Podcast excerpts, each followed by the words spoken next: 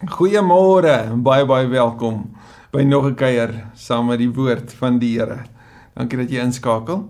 Onthou asseblief as jy behoefte het aan gebed dat jy vir ons 'n e-pos sal stuur na gebed@ksm.co.za en ons en oor die 300 voorbidders wil saam met jou juis jou behoefte en die plek waar jy is, jou uitdagings dalk saam na die Here toe bring en saam met jou intree, saam met jou reis op hierdie manier ook. Ons is so dankbaar vir alles wat die Here vir ons moontlik maak. Geleenthede wat hy vir ons skep. Getuienisse wat kom van lewens wat regtig aangeraak is deur wat die Here doen. Afgelope Sondag het ons ge, geluister na die die beeld van God wat ons beskryf as sy oogappel. Om so naby aan die Here te staan dat ek letterlik my refleksie in sy oë kan sien dans. Om te weet dat ek die sensitiefste deel is van hom, dat wie aan my raak aan hom raak. Mag jy daarom vandag weet dat jy regtig spesiaal is vir die Here en dat sy woord genoeg is vir jou. En dat in 'n tyd waar mense 'n klomp vra vra en nog baie skepties is, sy woord steeds lewensasem in jou lewe en in my lewe wil inblaas. En as ons vandag juist daarom ook praat oor gebed, dat die Here ook hierin vir ons vars nuwe inisiatiewe wil kom oopbreek en kom losmaak. Ons is met ons reis met Lukas nou by hoofstuk 18 Maar ouer gewoonte as ons vinnig terugkyk na verlede week, onthou jy dit het verlede week gegaan oor die vraag wat die Jode vir Jesus kom vra. Hulle kom vra eerstens, wanneer gaan die koninkryk van God dan nou kom? Maar dit het in Christus gekom. En dan sê Jesus daar's geen tye wat wat voortekens gaan wees of geen gebeurtenisse wat vir julle gaan sê okay dis nou die tyd nie. So al daai boeke wat die mense sê dit is nou die eindtyd, jok. Dis nie waar nie. Jesus sê daar is nie so iets nie. En die einde vra hulle vir hom, nou maar waar gaan dit gebeur? En dan gebruik hy daai ou Griekse gesegde waar asels bymekaar, waar as is daar kom asels bymekaar. Aan die ander woorde daar waar die waar die dood is, daar gaan die dooies bymekaar kom. Want die lewendes gaan nie daar wees nie. Want die res van Lukas 17 se tweede deel gaan mos oor God se oordeel en God se redding wat op dieselfde tyd gebeur, soos Noag en sy gesin wegvaar met die ark So aan die ander kant is daar die oordeel oor hulle wat agterbly. Soos Lot en sy vrou op pad na verlossing toe uitstap uit Sodom en Gomorra, so draai sy om en dan word sy 'n sereboshouer. Want sy teruggekyk en terugverlang en jy kan nie dit doen nie, dis Jesus of niks. Dis keuse vir God en gehoorsaamheid of niks. Daar's nie 'n halfpad nie. En en soos wat Lot daarom gered word, is op daai oomblik is daar oordeel oor die res en swaal en vuur reën. Net so wanneer Christus kom, gaan hulle wat in hom is en in hom leef en verhouding met hom het, gaan vir altyd saam met hom wees en op daai oomblik wanneer hulle gered word, is daar oordeel oor hulle wat agterbly en die belangrike waarskuwing van die eindtyd en die oordeel wat kom vir jou en my of om nou uit te sien of om dalk wakker te word en te besef hoorie maar wow ek weet nie wat gaan met my gebeur as die dit soos die die weerligstraal die die wederkoms kom en almal kan dit sien en ek weet nie waartoe gaan ek gaan nie. Maar jy kan weet want as jy bely Jesus is die Here jy met jou hart glo dat God hom uit die dood uit opgewek het as jy in verhouding met hom leef kan jy weet dat jy gered is. Kom ons bid saam Dankie Here vir hierdie oggend. Dankie Here vir hierdie geleentheid. Miskien is dit nie 'n oggend by my nie. Miskien is ek op 'n ander plek in die wêreld waar dit dalk al middag is of dalk nog donker nag is maar dat ek hierdie oomblik kan aangryp saam met U. Miskien is hierdie die eerste keer wat ek op hierdie platform hierna kyk. Maar ek bid so Here dat hierdie oomblik nie 'n toevalligheid in enige van ons se lewens sal wees nie dat hierdie regtige oomblik sal wees van waterskeiding, van 'n dieper ontdekking van wie God is, van 'n herontdekking van die goeie boodskap van die evangelie en opnuut weer die oproep tot gebed en om nie te stop nie. Wil U asseblief soos altyd so getrou ook vandag met ons praat deur die woord. As ons bid dat U dit sal doen, dan weet ons U sal dit doen want dit is volgens U woord en volgens U wil. En en en daarom Here stel ons ons lewens net oop in Jesus se naam. Amen. Lukas 18 vanaf die eerste vers. Ons doen vandag die eerste deel en DV volgende week maak ons dan klaar met hierdie hoofstuk. Jesus het vir hulle 'n gelykenis vertel om duidelik te maak dat 'n mens altyd moet aanhou bid sonder om moedeloos te word. Nou waarom is hierdie inleiding belangrik? Want ten tye wat Lukas hierdie skryf, het gelowiges al die vervolging beleef. Hulle het al beleef van wat dit beteken om te sê jy bely Jesus, maar dan jou lewe daarvoor te gee.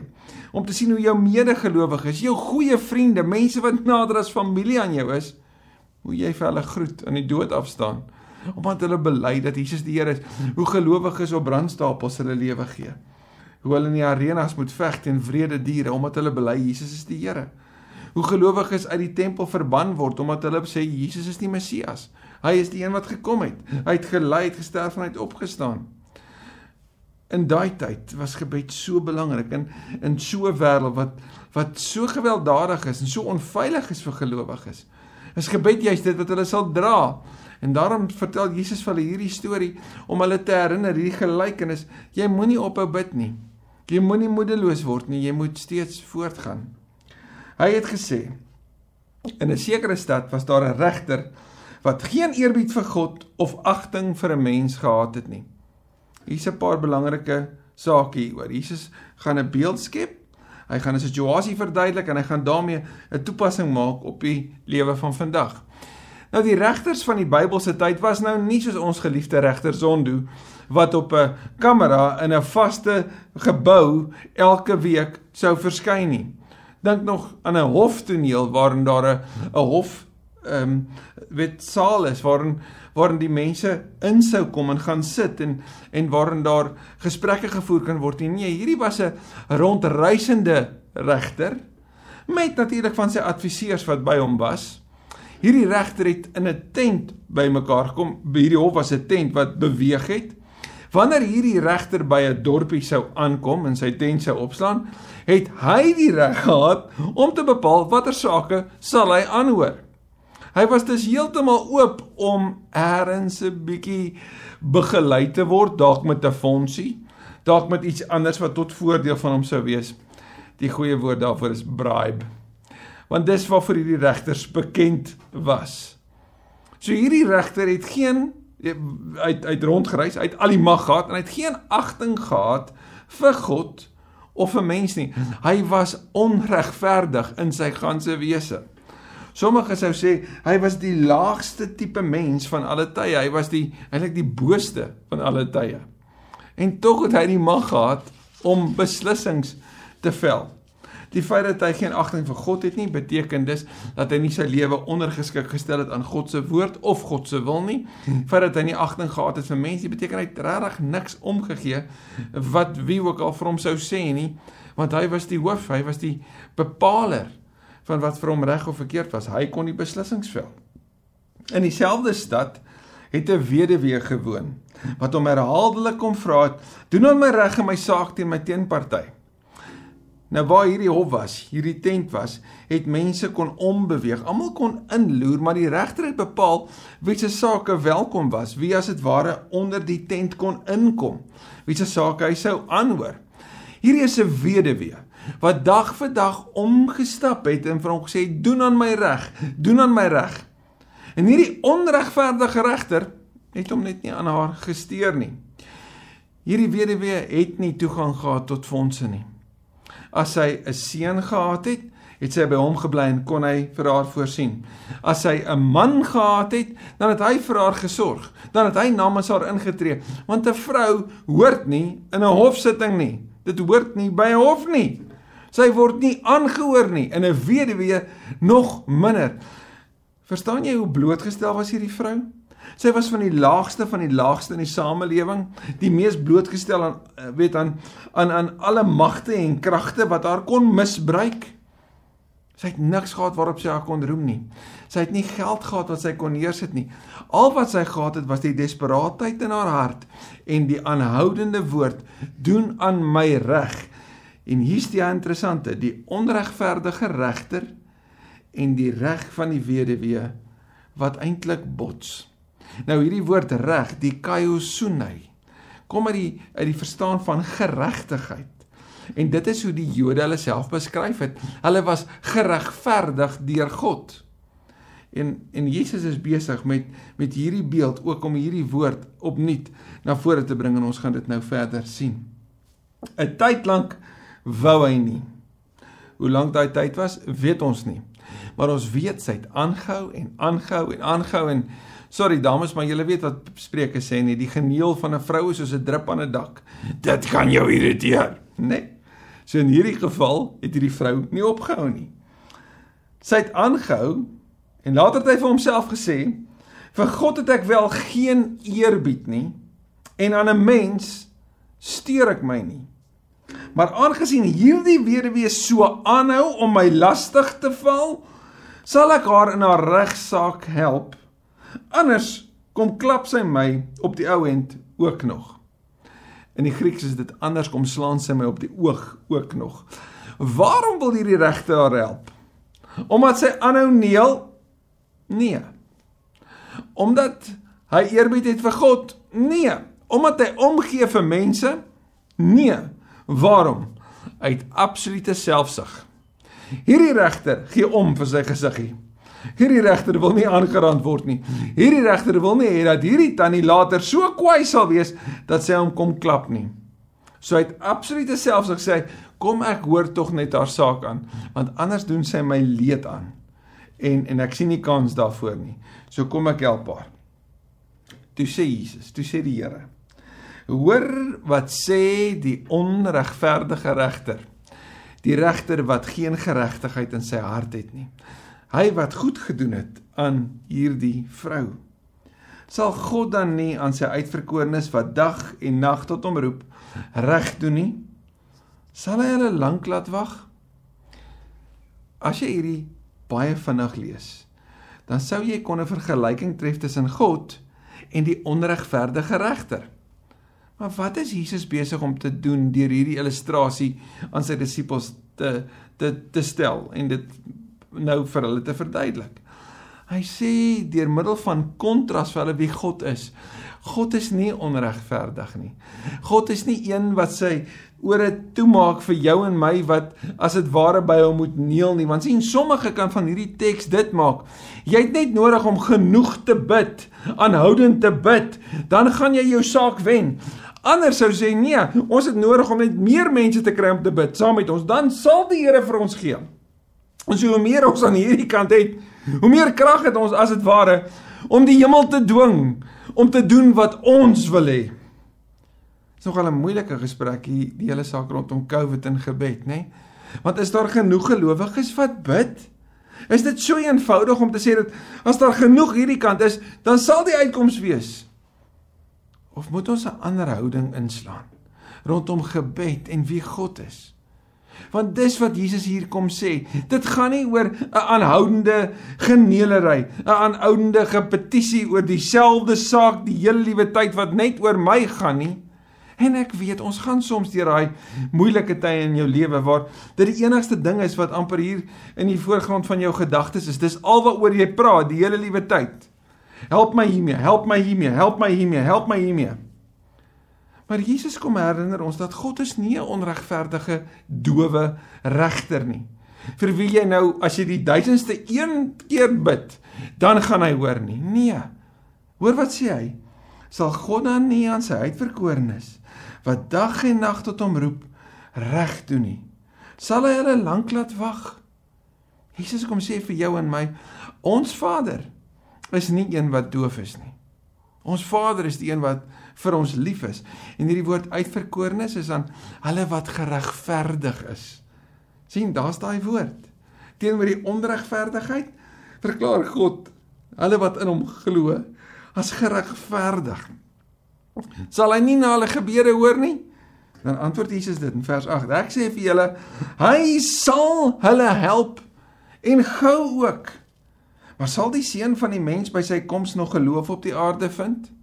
Nou praat Jesus weer van die wederkoms en ek en jy het mos nou al gesien in hoofstuk 17 hoe ernstig die wederkoms is en hoe hoe hoe hoe vel en hoe intens is dit? Ons het al van hoofstuk 16 af gesien. So Jesus het die fokus die heeltyd op die wederkoms en op die direktheid daarvan gaan hy wanneer hy by sy wederkoms terugkom gaan hy nog mense kry wat God hiermee vertrou wat hulle geloof en hulle vertroue so in die Here stel dat hulle weet dat wanneer hulle bid hoor hulle Vader. En sal hy reageer. Nou hier is die belangrike.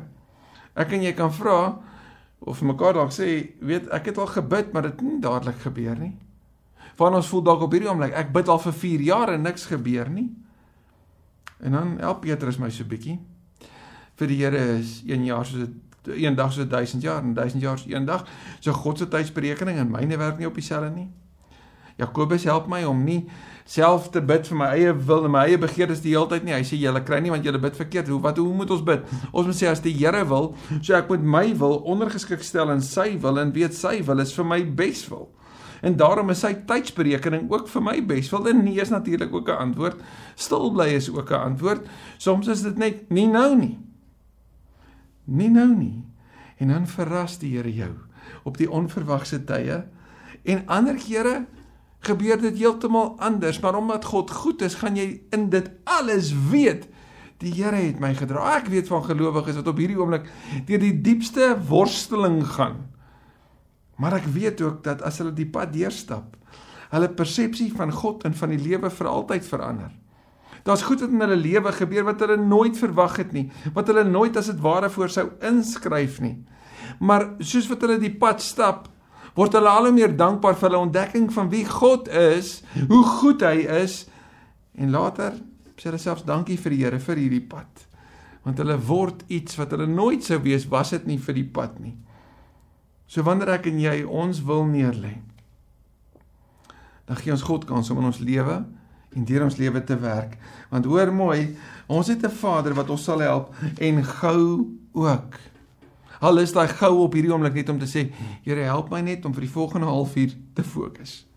Maak die ruimte kleiner. Moenie daar bekommer nie. Hou dit net hier. En hy sê ek sal jou help. Jakobus sê as jy bid vir wysheid, hy sal dit vir jou gee. En dan skuif Jesus die die die kamera of die die die fokus vanaf die onregverdigheid van hierdie regter, die regverdigheid van hierdie vrou wat net gesê doen aan my reg en die Vader wat 'n goeie Vader is wat vir die geregverdigdes help na die volgende toe om weer eens vir ons iets anders te verduidelik rondom gebed. Met die oog op mense wat seker was vers 9 dat hul eie saak met God reg is en wat op op wat op ander neergesien het, het Jesus hierdie gelykenis vertel. Ons moet nie daai verse vinnig lees nie.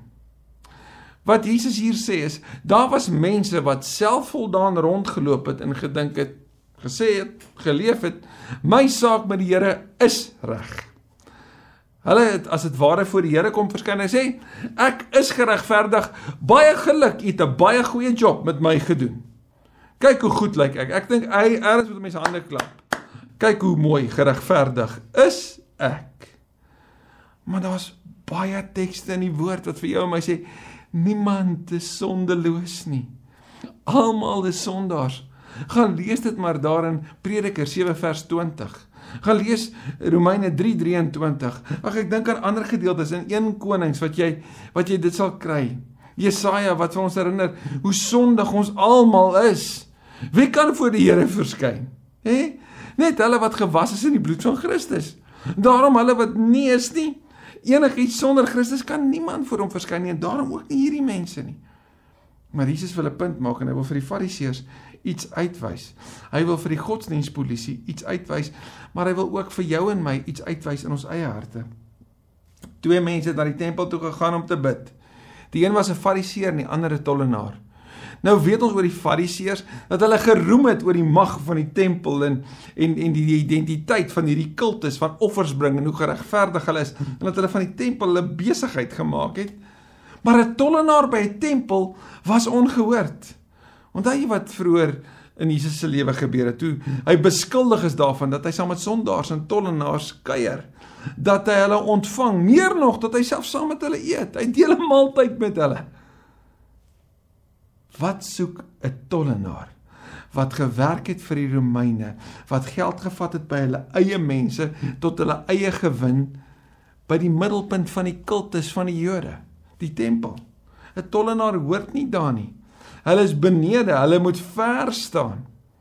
En tog in hierdie situasie kom wys Jesus vir ons iets van wie God is. Want die Fariseërs staan daar self voldaan en die tollenaar waarskynlik vol skaamte waarskynlik op 'n afstand van die fariseer want die fariseer sal tog nie toelaat dat hy in die ruimte van 'n sondaar iemand so benede hom soos 'n tollenaar sou wees nie vers 11 Die Fariseer het gaan staan en by homself so gebid. Nou wat die Jode gewoonlik gedoen het is om hulle arms te kruisig, te, te, te kruis en die oë te sluit en so voor die Here te bid met hierdie houding. Die Fariseer gaan staan en hy bid. O God, ek dank U dat ek nie soos ander mense is nie. Hoor jy dit? O God, wel gedaan. Ek dank U dat U so great job met my en in my gedoen het. En nou beskryf hy dit. Ek is nie soos diewe nie. Soos bedrieërs nie. Egbreekers. En ook nie soos hierdie tollenaar nie. Dit klink amper soos daai ryk man in Lazarus, nê? Die ryk man wat vanuit die hel self opdrag te gee vir Lazarus. Hy kyk selfs vanuit die hel neer op Lazarus, hierdie arme man. Hierdie tollenaar is so benede die fariseer dat hierdie fariseer selfs in sy gebed in die arrogansie van sy selfvoldaanheid neerkyk op ander. Julle hier's 'n groot waarskuwing in ons gebed. Daar's 'n groot waarskuwing in die houding waarmee ons na die Here toe gaan dat ons die gevaar staan om na God toe te gaan met 'n selfvoldaanheid van hoe oulik ons is. Hoe heilig ons is. Ons is soms so heilig, ons skyn daarvan. Ons kan soms so na die Here toe gaan dat ons wil hê hy moet namens ons ander verwoes en seermaak omdat ons tog net soveel beter is as hulle. Daar's 'n groot waarskuwing hierin. Sê nie soos hierdie tollenaar nie. En dan verduidelik hy vir die Here hoekom hy verdien om voor die Here te verskyn. Ek vas twee keer in die week. Nou die Jode het twee vasdae gehad en dit was die twee markdae in die week gewees. So wanneer hulle gevas het, het hulle op daai manier gevas dat ander eer vir hulle sou gee. Dit sou heel duidelik gewees het van hoe hulle vas. Jesus sê as jy vas moet niemand dit weet nie. Dis saak tussen jy en die Here. Maar maar hier kom hierdie fariseer en selfs die die vas wat 'n gebruik was in die Joodse kultus. Gebruik hy om vir die Here te sê kyk hoe goed is ek. Maar hy vat dit verder. Hy sê ek gee 'n tiende. Nou om 'n tiende te gee was gewoonlik van van die opbrengs van jou oes Dit was juis om te gee vir hulle wat nie land gehad het nie, soos die leviete en die priesters en die armes, sodat hulle ook vanuit die land van die Here opbrengs kon kry en kon leef, 'n bestaan kon maak. Nou hierdie fariseërs het op ander maniere ook geld gemaak. Maar nou sê hy ek gee daarom en ek gee nie net van die opbrengs van my land nie, van my besittings nie. Hy sê ek gee van al my inkomste, met ander woorde selfs ook my kruie tuin, gee ek 'n tiende as die Jode hierna sou luister sou hulle gesê het wat 'n merkwaardige man. Hierdie man verdien erkenning amper soos daai CV van Paulus in Filippense 3. En aan een kant sê vers 13 bly die tonneland ver staan. Hy wou selfs nie na die hemel opkyk nie.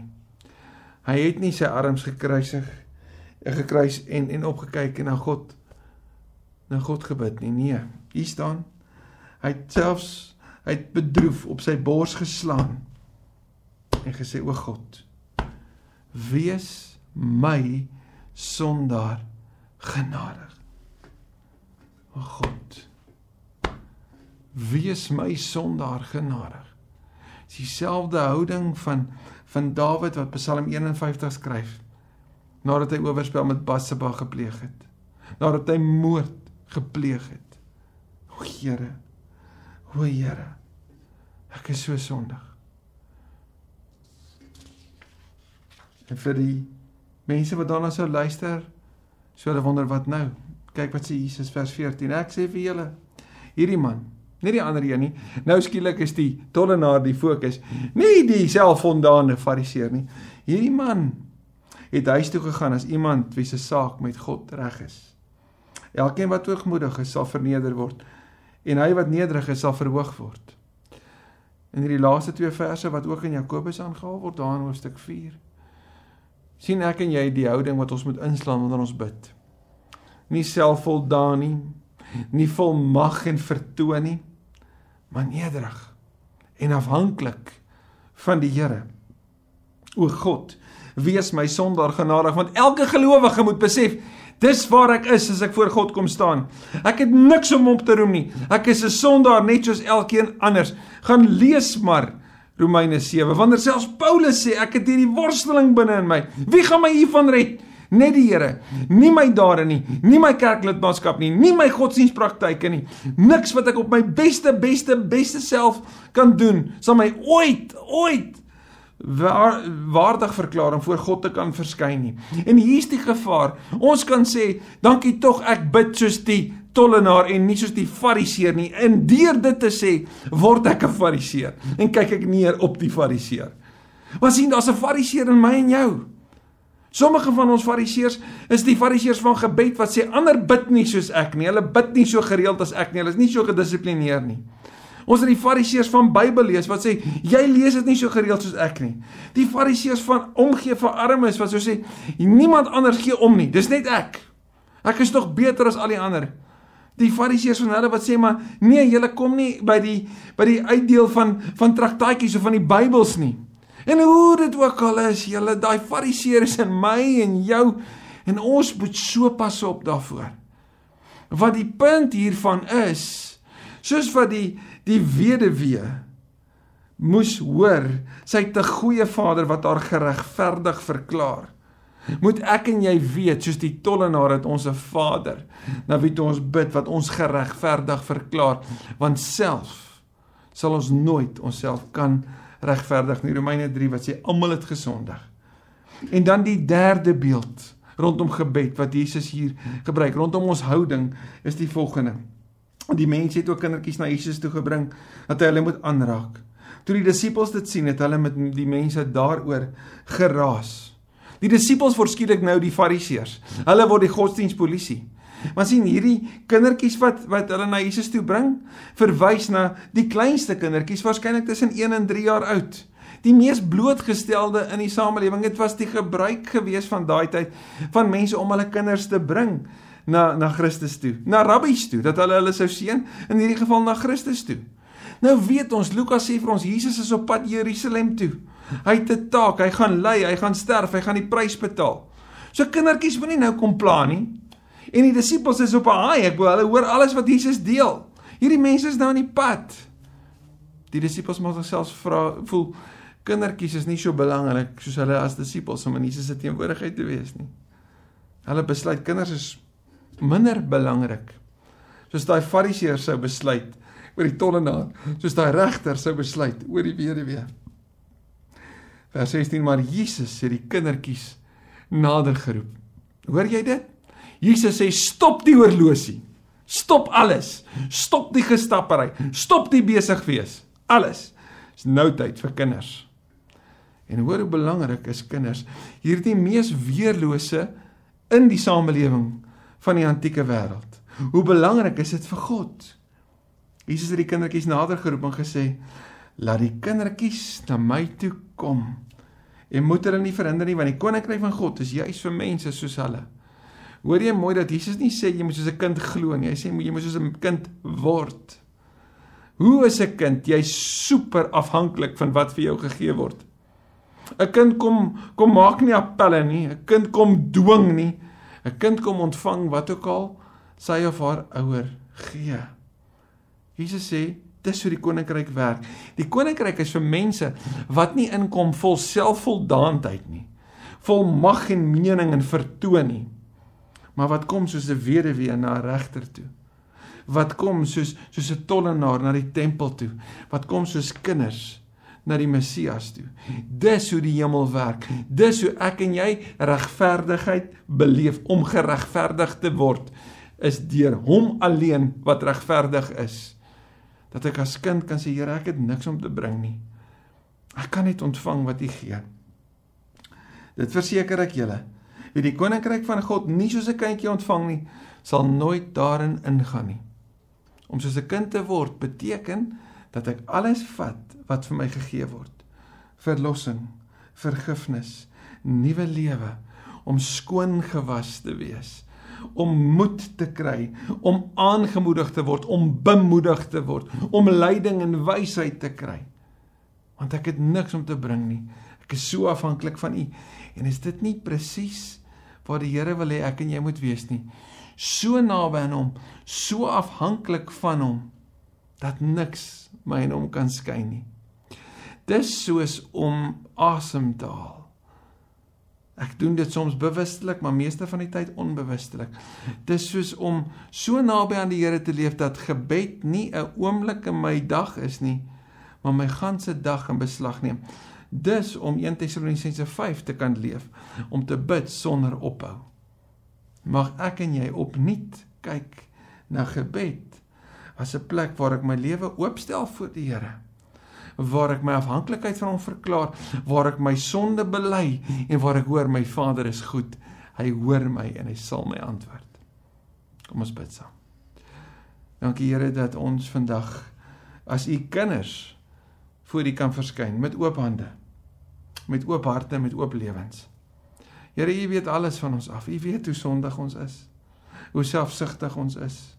Hoe ons soms in ons gedagtes dink ons is beter as ander hoe ons soms in ons Bybelbeskouing ander tog net wil reghelp. Hoe ons soms in in in in die manier hoe ons optree dink ons is beter in die verkeer as ander. Ons is beter in verhoudings as ander. Ons ons tipe kerk is beter as ander. Ag Here, dit is so eie aan ons menswees. Ons vergelyk en ons wil altyd net wen. Ons bely dit. Dis so die sondige geaardheid van ons menswees. Dis so die fariseer in ons hart. Vir die ons nie net asseblief kom aangryp vandag nie. Kom skoon was vandag. Kom nuut maak soos 'n kind wat vol moddervoete by die huis instap en deur 'n ouer geneem word en in liefde skoon gewas word. Dat ons Here in U teenwoordigheid kan verskyn, nie omdat ons iets gedoen het of iets verdien nie, maar omdat U is wie U is. Ons loof U en ons prys U in Jesus se naam. Amen. Amen. Ek hoop jy het 'n mooi dag en as jy hierdie met ander wil deel, onthou ons het notas wat ons graag vir julle sal stuur. As jy dit daar ook wil deel, stuur net 'n e-pos seesmith@ksm.co.za. Ek stuur graag vir jou. Mooi dag.